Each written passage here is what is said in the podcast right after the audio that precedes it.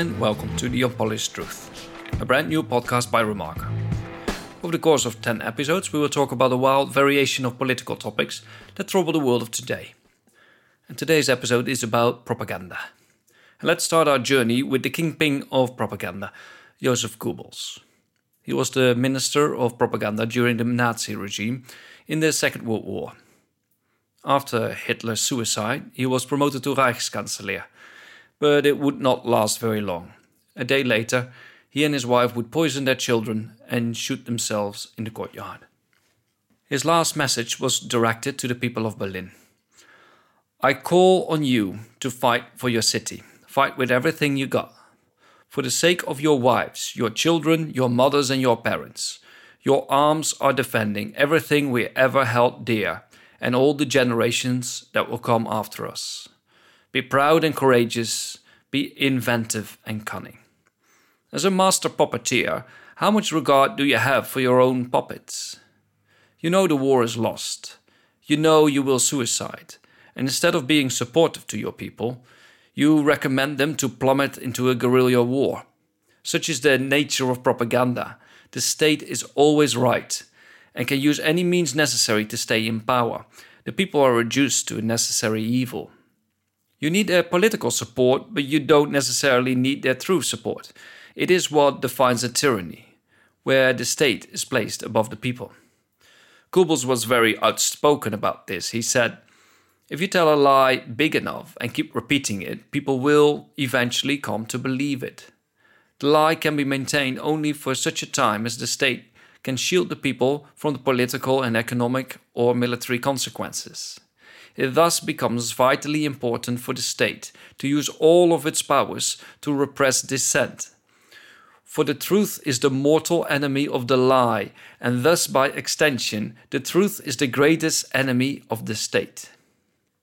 We know that the Nazis regard the Jews, the communists, the homosexuals, Roma, handicapped, and black people as objects rather than people. At the same time, they regard their own people as minions. You don't harm your own minions needlessly, but their task in life is to empower the state.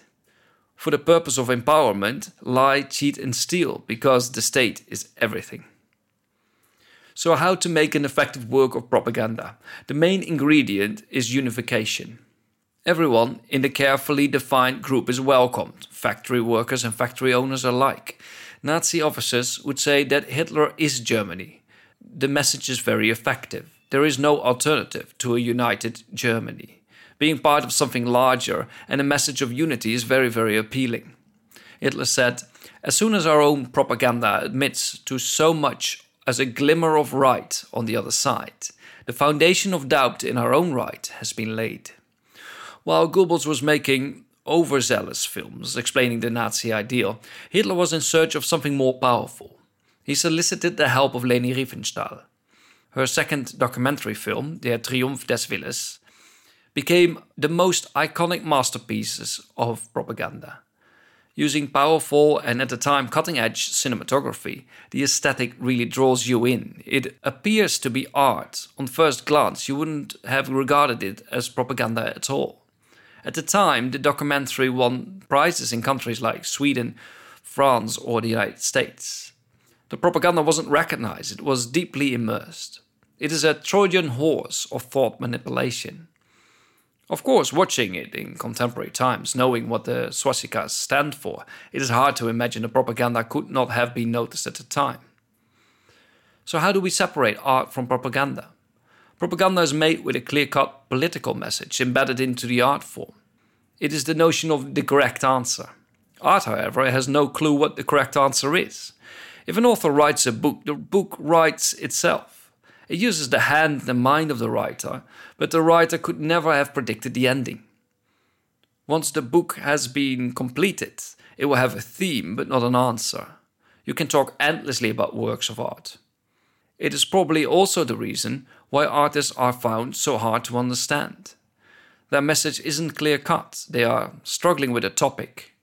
Moby Dick is about revenge, and Faust is about cheating the devil, and Crime and Punishment about redemption. But outside of the theme, what is the political message? The Alan Moore comic, V for Vendetta, features a very unlikely hero. The anarchist named V dresses up like Guy Fawkes, to resemblance of the gunpowder plot, an historic attempt to blow up House of Parliaments in the UK. In an alternate universe, very much like 1984, England is ruled by a fascist government. V murders party members and blows up buildings. Much of the story goes lost in the movie made with the same title. The comic story had been forgotten, and the hero V became an icon of resistance rather than an anarchist fighting fascism.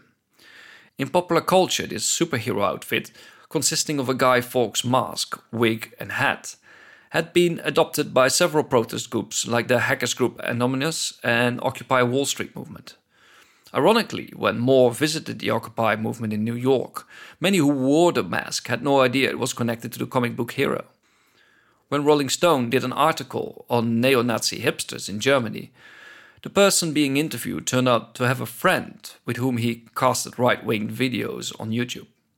He called himself Vendetta and he wore the same mask as our hero V. Didn't he realize that he was wearing a costume of a fascist fighting hero? To be frank, it disturbed me for quite some time. I imagined making a film or a photo series only to see it taken by those who I politically oppose. I started searching for more examples of this phenomenon and discovered that this happens both ways. Wagner comes to mind. Wagner was a brilliant composer, perhaps the most gifted of the previous century, and at the same time, he was an absolutely despicable man and an outspoken anti Semitist. For some time, I questioned whether I should listen to his music, being so politically opposed to it. I even flirted with the thought of banning Apocalypse Now from my favorite film list. Die Walküre was played loudly on the speakers of the airborne helicopters while raining down bullets down on a Viet Cong village. This question is still very contemporary. I mean, do you watch films with Kevin Spacey in it or films produced by Weinstein? Is it okay to enjoy a Kusturica film? If art isn't the same as propaganda, if art doesn't have a clear cut message, and if audience can have the liberty to interpret it, the work of art, then who cares who made it? Who cares who interprets it or misinterprets it? It's a great thing that art cannot be corrupted. Imagine it could be. We would run out of art rather quickly. Maybe even worse, the bad guys would win by tainting our beloved works. But in fact, the opposite is true. Works of propaganda were made by the most skilled of artists, but with a clear propaganda objective, over time will win back their artistic value. The propaganda fades away. In a hundred years, the Lenin paintings do not represent communism any longer because no one will know who Lenin was. But I digress. Propaganda is by no means bound to art. Many years before the Balkan Wars, Milosevic started to take over the media. Bit by bit, the state seized control over television and restricted newspapers and other outlets in their circulation. Unlike the Germans, the Serbian propaganda was crude, almost obvious, and amateuristic and unsophisticated. The news stories weren't fabricated by a clever spin doctor or cleverly integrated into a work of art. The propaganda sourced from soldiers telling war stories, coming up with the most gruesome and far fetched horror tales, giving a Freudian insight in their fantasies. These stories ended up unedited on the evening news. If you hear the story of 41 babies being murdered by the Croatian army, you might be inclined to believe it. If the babies turn out to be children aged 5 to 7, there's a seed of doubt. If the details are not correct, what else could be flawed? If the plot unfolds further that Croatian soldiers are running around with necklaces made by baby fingers, I would have a hard time believing any of it. The Nazis would have adjusted such a story, making it believable. They wouldn't want the slightest doubtful element, because that could entertain the thought that the whole institution might be untrustworthy. I suppose it was fortunate that the propaganda was so crude. Many Serbs saw right through it and resisted the propaganda fiercely. The resistance led to mass protesting, which eventually led to the fall of Milosevic. On the other hand, despite of the obvious manipulation of truth, it still proved effective enough to win over the hearts of millions. Even though Milosevic is dead, his propaganda can still be heard, repeated in heated discussions in kafanas. He lied because he thought his people would never follow him if he told the truth. Many believed him, but now the curtain has fallen. Their leader has betrayed them. national television apologized for lying to their audience. You would think people would be upset, but instead many of them stick with the lies. It seems less dishonorable to persevere in the opinions built on lies than it is to admit that you were so easy to manipulate. The war is gone, the dictator is dead, and yet the propaganda lingers on. I believe there were two things at play that made the Serbian propaganda so effective. The first is the search for a new identity. Following the death of Tito and consequently the death of communism, there was a void of identity. Who are we if not proud communists, loved by our comrades and capitalists alike? A solution was found in going back in history before communism, in times where Turks and Nazis were the enemies of the state.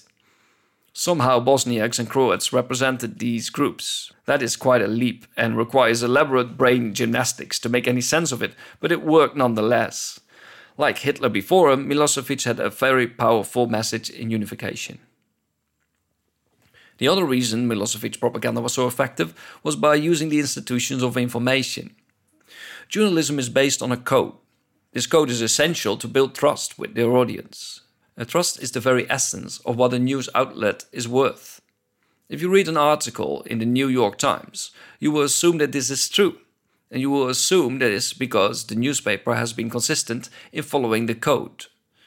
If the institution is compromised by publishing articles which you know are untrue, it all falls apart. News has no value if it's untrue. The good name of a news institution can work wonders in favor of a dictator. For example, say that the state television has a very good name, providing years of reliable information. How will you know that it has been compromised with propaganda? You will have to go to a different news outlet, which you probably trust less, to hear a opposing story. Which one would you believe? The journalistic code has one purpose to provide reliable information. It turns out to be very difficult to do this well. When two factions are at war, as a newspaper, you will have to make many choices. The journalistic code demands that you confirm a story with both sides. But what if one side has a flashy information center or a press officer and a press releases and press packages, while the other side has absolutely nothing, perhaps not even a clear leadership structure. And all you get are contradicting gossips. The school example of another choice is doublespeak. How do you call rebels? Are they terrorists or freedom fighters? In the 90s, five Serbian newspaper editors were charged for referring to Albanians as people rather than terrorists. Technically, the words are metaphors, but we feel sympathy with one and we feel disgust with the other. Another question is the quantity of attention you give to the conflict. A story about an asylum seeker beating up an old man will get much more attention in the right wing media. That term is absolutely destructive, by the way. If we categorize news sources to their political affiliation instead of reliability and accuracy, the door to propaganda has been widely opened. No matter how much President Trump keeps talking about left wing media, don't ever be tempted to enter that playing field. If you don't want to watch Fox News because it's inaccurate, go straight ahead. But don't evade them because they are right winged. Institutions of truth should never be tainted with political colors, for the whole sector will lose the one thing that they have going for themselves, and that's credibility. Follow multiple sources of news, the more diverse the better, if the stories don't add up, question them. It's not easy to do that without becoming paranoid and fall into conspiracy mode. But your own fictions will not bring you any closer to the truth, and as Goebbels says, the truth is the greatest enemy of the state. So question everything. But why, you might ask, on which I can only compliment you. Thank you for listening. Please let me know what you think on the Facebook post of Remarker, which you can find on www.facebook.com slash remarker, and search for the topic of this podcast. The subject of the next episode is Algorithms Know Better, where we will find out how free will might make us a slave to algorithms. I hope to see you there. Ciao.